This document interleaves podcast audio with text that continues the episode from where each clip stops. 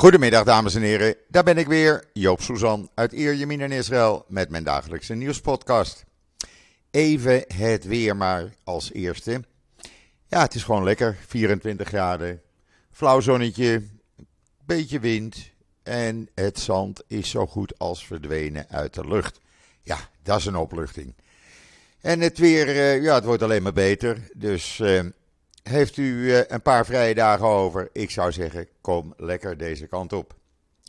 En dan is Israël in de ban van een doodsbedreiging aan de familie Bennett. Niet aan premier Bennett, maar aan zijn vrouw, kinderen en hemzelf natuurlijk. Er is een brief eh, kort geleden binnengekomen bij de vorige werkgever van de vrouw van premier Bennett. En uh, daar zat een doodsbedreiging uh, in die tekst, maar er zat ook een kogel bij. En ja, die brief is meteen doorgegeven natuurlijk aan de beveiliging. Uh, er wordt nu groot onderzoek verricht. men neemt het zeker, geen enkel risico. En de, de, ja, de beveiliging die al heel zwaar was voor een premier in Israël, die is nog meer opgevoerd. ik zou eigenlijk geen premier willen zijn. In die brief blijkt ook te staan uh, een stuk voor de 16-jarige zoon van uh, Bennett. Uh, zij schreven aan, aan Joni: We zullen naar je toe komen. En de kogel die is voor jou. Ja, iedereen op tilt natuurlijk. alle politici woedend. En wat opvallend is, maar dat zeg ik even op mijn beurt. Ik heb het wel in het artikel op Israël Nieuws gezegd. Wat opvallend is dat de extreemrechtse leider Smotrich, die vroeger ooit eh, in dezelfde partij zat met Bennett, die zei: Nou, ik weet niet of het wel een echte gebeurtenis is. Ik weet niet of er wel een echte brief is gekomen. Eh, misschien is het wel bedoeld om de populariteit van Bennett op te voeren en om ons uh, te de delegitimeren. En de zoon van Netanyahu, Jair, die uh, ja, is uitgesproken minachtend altijd over Bennett. En die heeft op Twitter gezegd dat uh, nou, hij twijfelt aan de authenticiteit van deze doodsbedreiging. Het kan wel eens allemaal verzonnen zijn. Ja, uh, dan, dan zeg ik op mijn beurt. Zou het soms uit die oppositiehoek komen? Het zou zomaar kunnen. Want het enige wat gebeurt is allerlei leugens rondspreiden over Bennett, over zijn familie. En er zijn er altijd wel mensen die uh, dat oppikken. Maar goed, we zullen kijken. Er zit een kakkel erop. Dat betekent dat er niets bekend over mag worden. En we zullen kijken waar het onderzoek naar leidt. Ik hou u op de hoogte. En dan uh, corona. Uh, het ministerie van Volksgezondheid heeft meegedeeld dat de eerste twee gevallen van de nieuwe BA5 Omicron subvariant in Israël uh, zijn uh, geconstateerd bij twee reizigers die terugkwamen uit het buitenland. Men zegt niet welk buitenland. Uh, op maandag had ik al bekendgemaakt dat de BA4 bij een aantal mensen was ontdekt die uit Zuid-Afrika, Singapore en Italië kwamen. Men weet niet, BA5, eh, of die nou gevaarlijker, besmettelijker of uh, wat dan ook is. De WHO heeft geen enkel bewijs nog. ze weten niet of, ze, of deze variant zich anders gaat verspreiden. In ieder geval, men houdt de vinger aan de pols. En men heeft al gezegd, als het nodig is, dan draaien we alle vrijheden weer terug. Dat betekent mondkapjes, et cetera, worden dan weer verplicht. Maar laten we hopen dat het niet die kant op gaat. Er werden trouwens in, uh, op dinsdag ruim 59.000 mensen op COVID getest. 5,7% bleek uh, positief te zijn, oftewel 3372 mensen. Er zijn 27.421 actieve viruspatiënten in het land, waarvan er nog maar 191 ernstig ziek in het ziekenhuis liggen. 74 van hen in kritieke toestand, 65 aangesloten aan beademing. Er is in de afgelopen 24 uur één patiënt overleden, waardoor het dodental op 10.695 is uitgekomen. Ja, en dan uh, het jaarlijkse antisemitisme-rapport is uitgekomen, zoals altijd, de dag voor Yom HaShoah. En wat blijkt, men spreekt in dat rapport, het is een verloren strijd. Het antisemitisme piekt wereldwijd in alle landen. En uh, ja, de strijd uh, is niet meer te winnen. Dat is heel uh, deprimerend, moet ik u zeggen. het betekent dat ja, wat je ook doet, met wat voor argumenten je ook komt, men luistert niet. Het antisemitisme neemt toe. in de Amerika is het gestegen, in Canada, in uh, Frankrijk uh, er waren 589 antisemitische incidenten, stijging van 74%. Canada, ja, hetzelfde verhaal, 54% stijging. Engeland, een stijging van 34%. Uh, Duitsland, een stijging van 29%. Ja, en zo gaat het maar door. Australië, uh, een stijging van 35%. En wat, wat is nou die reden? Nou, als reden wordt in het rapport aangegeven dat uh, ja, operatie Garden of the Walls, dat was verleden jaar de oorlog met Gaza, en de COVID-pandemie, waar de Joden de schuld van krijgen. Want het is een Joodse samenzwering. Het hele rapport, u kunt het lezen op israelnieuws.nl. Maar hou er rekening mee, het is deprimerend. En dan heeft de IDF van, vanaf uh, nou, afgelopen nacht 12 terreurverdachten opgepakt in Jenin en omgeving. Uh, het hele verhaal met een videootje is te lezen op israelnieuws.nl. En dan, de werkloosheid is iets gestegen, maar het goede nieuws is uh, er zijn 160.000 werkzoekenden en er zijn 160.000 vacatures. Dus het blijft een beetje in evenwicht. De uh, werkloosheid is in de tweede helft van maart gestegen uh, naar 3,7 procent. Dat is een half procent meer als begin van de maand maart. ja, de economie doet het goed. Men verwacht aan het eind van het jaar dat de werkloosheid uitkomt op 3,5 procent. Uh, Israël doet het uh, wat dat betreft erg goed. Ook dat is te lezen op israelnieuws.nl. En dan Amnesty had een rapport enige tijd geleden over apartheid in Israël. Nou, dat is een korreltje naar de hand van NGO Monitor. En NCO Monitor vroeg mij hun artikel te plaatsen. Dat kunt u ook lezen op israelnieuws.nl. En daar uh, wordt punt voor punt uh, weerlegd de leugens van Amnesty. Want ja, het zijn, het zijn leugens. er staat bijvoorbeeld in dat Israël tenminste 32,2 miljoen dunam land zou hebben onteigend. Maar heel Israël van voor 1967 was slechts 20,7 miljoen dunam. Een andere bewering is dat uh, in het amnestierapport staat dat Israël 10.000 Pal Palestijnse winkels had onteigend. Maar de bron die uh, Amnesty daarvoor gebruikt is een in eigen beheer gepubliceerde blogpost van een anoniem persoon zonder enige referentie in op dit gebied.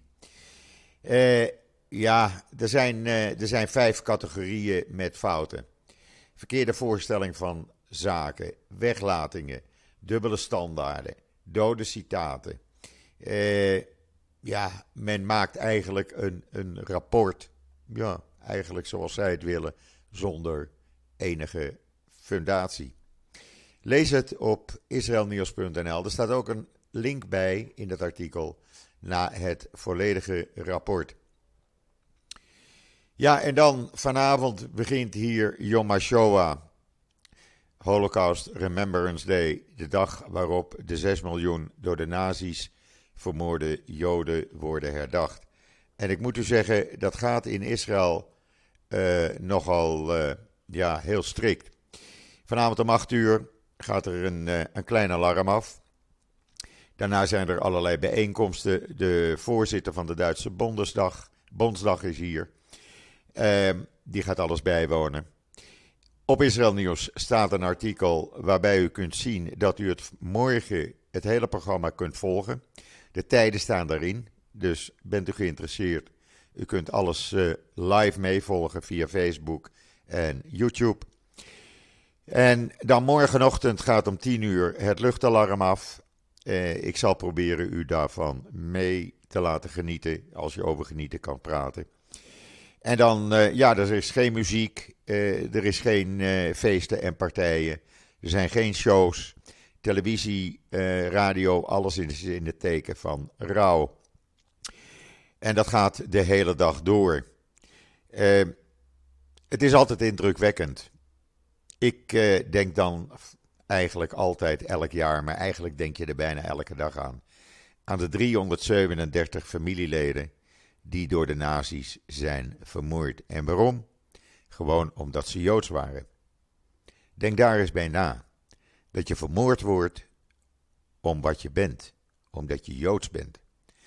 Dat mocht niet van de nazi's. En als je dan nu het rapport over antisemitisme leest, waar ik het net over had, ja, dan, uh, dan word je toch een beetje, ja, een beetje angstig. Uit een rapport namelijk bleek hier in Israël, uit een onderzoek ook, dat 47% van de Joodse Israëli's denkt dat een, uh, een volgende holocaust eraan zit te komen. 47% van de 6,9 miljoen Joden die in Israël wonen. Dat is veel. En het zou ook zomaar kunnen. En dat dan hier veel aandacht wordt besteed aan Yom HaShoah is alleen maar goed. Zo heeft president uh, Herzog en zijn vrouw hebben een, uh, een avond georganiseerd waarbij uh, hij de holocaust-overlevende Inis Nissim uitnodigde om bij hem in de residentie te komen. Inis uh, was 14 jaar toen de Duitsers Griekenland binnenvielen. En ze vertelde het verhaal aan de president over haar ontsnapping met haar familie naar Turkije en vandaar naar Israël. En ja, uh, ze getuigt gewoon van wat de Joden allemaal hebben meegemaakt in uh, Griekenland. En dat hele verhaal kunt u lezen op israelnieuws.nl. En dan in de Knesset uh, gisteravond was ook een bijeenkomst. En daar zei een holocaust-overlevende: Neem het niet voor zomaar aan. Wees trots op je land. Want je hebt maar één land. En laten we zorgen dat het niet meer gebeurt. En deze holocaust-overlevende was 96 jaar. Hij zei. Uh, of zij zei, uh, en dan moet ik even goed kijken, take care of this country. Dat is uh, wat hij zei. Het was Jozef Herskowitz. U kunt het lezen in de Times of Israel. En dan uh, in de Knesset was gisteravond Holocaust-overlevende Olga K. En zij heeft de Holocaust onderwijs torch uh, fakkel doorgegeven aan Israëlische jongeren om te blijven vechten tegen de Shoah, tegen ontkenning, tegen antisemitisme. Uh, vecht daartegen, doe dat. ik ben 96 jaar, ik heb niet zo lang meer de tijd. Jullie nemen die fakkel over. Ook dat is te lezen in Times of Israel. En dan het centrale thema voor de Holocaustherdenking voor dit jaar is de deportatie van de Joden tijdens de Holocaust. Dat is het centrale thema in Yad Vashem. Met online tentoonstellingen, met video's, etc. Verhalen van overlevenden, verhalen uit concentratiekampen. Je kunt het allemaal lezen op Israël Nieuws, waar een link is naar Yad Vashem, zodat u niet hoeft te zoeken. En dan heeft uh, Israël vanmorgen, of eigenlijk in de afgelopen nacht, volgens Syrië, een aanval op uh, uh, rond Damascus uitgevoerd. Doelen rond Damascus. En er zouden vier Syrische soldaten zijn omgekomen en drie gewond. Israël, zoals altijd, zegt niets en houdt wijselijk zijn mond. En dan Israël ont, uh, is bezig met het ontwerpen van een online platform. Waardoor middelbare scholieren over de Holocaust kunnen leren. Gewoon online, tijdens school. Maar dat geeft veel meer mogelijkheden dan gewoon in de klas iemand te laten praten. Ze kunnen video's bekijken, ze kunnen interactieve, interactieve kaarten bekijken.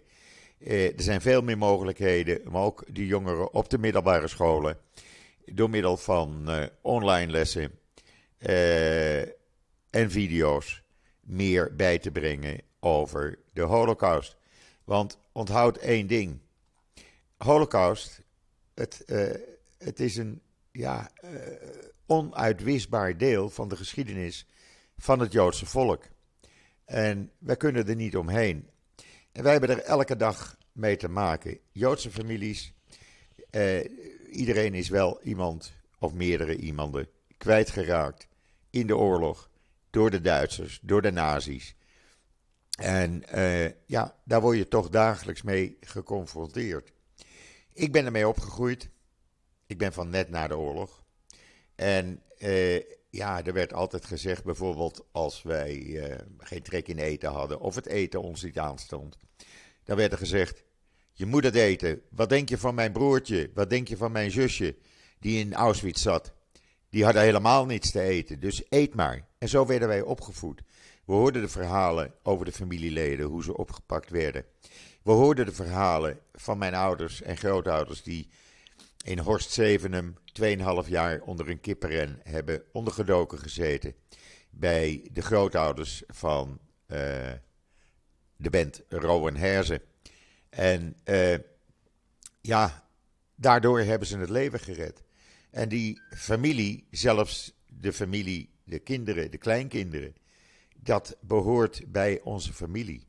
Bij alle familieaangelegenheden, belangrijke familieaangelegenheden in onze familie, kwamen of komen deze mensen uh, erbij. Want zonder hun had ik hier nu niet een podcast zitten maken. Zo simpel is het. En dat realiseer ik me elke dag, elke week, elke maand, elk jaar. Dus ja, zo simpel denk ik erover. En dan even iets anders. Elon Musk, hij heeft uh, Twitter gekocht. En hij wil uh, vrijheid van meningsuiting op alle manieren. Nou, de Joodse gemeenschap in Amerika, uh, bijvoorbeeld de ADL, Anti-Defamation League, die maakt zich grote zorgen, want die zegt het zou zomaar eens kunnen dat het betekent een enorme stijging van anti-Joods extremisme, laat maar gewoon zeggen, antisemitisme op Twitter. En dat dat kan gebeuren, ja, ik denk het ook. Ik denk als je helemaal niets meer uh, in de weg legt, dan krijg je nog meer van die gekken die anoniem van alles en nog wat gaan roepen en uh, online gooien. Dus of we daar nu blij mee moeten zijn, laten we maar eerst eens kijken welke kant het op gaat. En dan was er een uh, aardbeving tussen Israël en Cyprus, vlakbij Cyprus eigenlijk. Hij werd gevoeld in Haifa. Hij had een kracht van 4,8 op de schaal van Richter. Niets bijzonders. Eh, we hebben daar nu eenmaal mee te maken. En dat zal wel weer binnenkort vaker voorkomen. Ja, ik had het gisteren al gezegd. De chocola is uit de winkels. De meeste chocola. Want Strauss is het grootste uh, bedrijf hier in Israël. Met allerlei producten die ze voor zichzelf of Unilever maken. En ze hebben nu uit alle testen uh, geconstateerd dat inderdaad de productielijn besmet was met salmonella. Uh, dat wordt nu schoongemaakt. Het ministerie van Volksgezondheid is erbij betrokken. Andere diensten zijn erbij betrokken. Het zal nog wel even duren voordat er weer productie is van chocola. Het zat niet alleen in de chocoladerepen, het zat in de chocoladekoekjes. Het zat in de Magnum ijs, uh, ijsjes waar chocola in zit. Het zat in de, uh, ja, je hebt hier van die kleine plastic potjes met ja, heerlijke yoghurt met uh, chocolade bovenop. En een aardbei of een kers of slagroom. En het is altijd heerlijk. Ja, ook daar zat dat in. Nou ja, het zit in ontelbare artikelen. Dus ja, dat is een grote strop. Maar ze hebben gezegd, iedereen die gekocht had, die krijgt het aankoopbedrag dubbel terug. Nou, dat vind ik weer een goede service. Uh, maar goed, voorlopig even geen chocola. Dus komt u deze kant uit en uh, heeft u uh, een plek voor lekkere chocola voor Joop? Ik hou mij aanbevolen. Laat mij weten. En trouwens ook voor andere Nederlanders hier in Israël. Ja, en voor de rest, hou Israël nieuws in de gaten, want er komt de komende uren nog veel meer nieuws op. En dan, zoals gezegd, morgenochtend zal ik proberen u via social media uh, een sfeerimpressie te geven van Yom HaShoah in Israël. Altijd een, uh, ja, een moeilijke dag voor iedereen, voor elke Joodse familie. Niet alleen in Israël, maar wereldwijd. Alleen hier voel je het, hier merk je het, hier word je ermee geconfronteerd. Ik wens iedereen heel veel sterkte toe op deze Yom HaShoah 2020 opdat wij nooit zullen vergeten. Dit was het wat mij betreft voor vandaag. Een beetje sombere podcast, maar ja, het is niet anders. Het is de realiteit in Israël. Ik wens iedereen een hele fijne voortzetting van de Nederlandse Koningsdag, want dat is uh, nu aan de gang. En ik hoop dat het gezellig is. Ik kreeg al een videootje toegestuurd van mijn zoon. Mijn kleinzoon was uh, op de Buitenveldense Laan, heet dat geloof ik, uh, saxofoon aan het spelen, tien jaar oud. En liep lekker binnen. Ik ben beren trots, dus ik vind dat leuk. Ik ben er morgen weer. Morgen trouwens met Esther Voet van het NIW. En ik kan u nu al zeggen, het wordt een heel bijzondere podcast. Echt waar.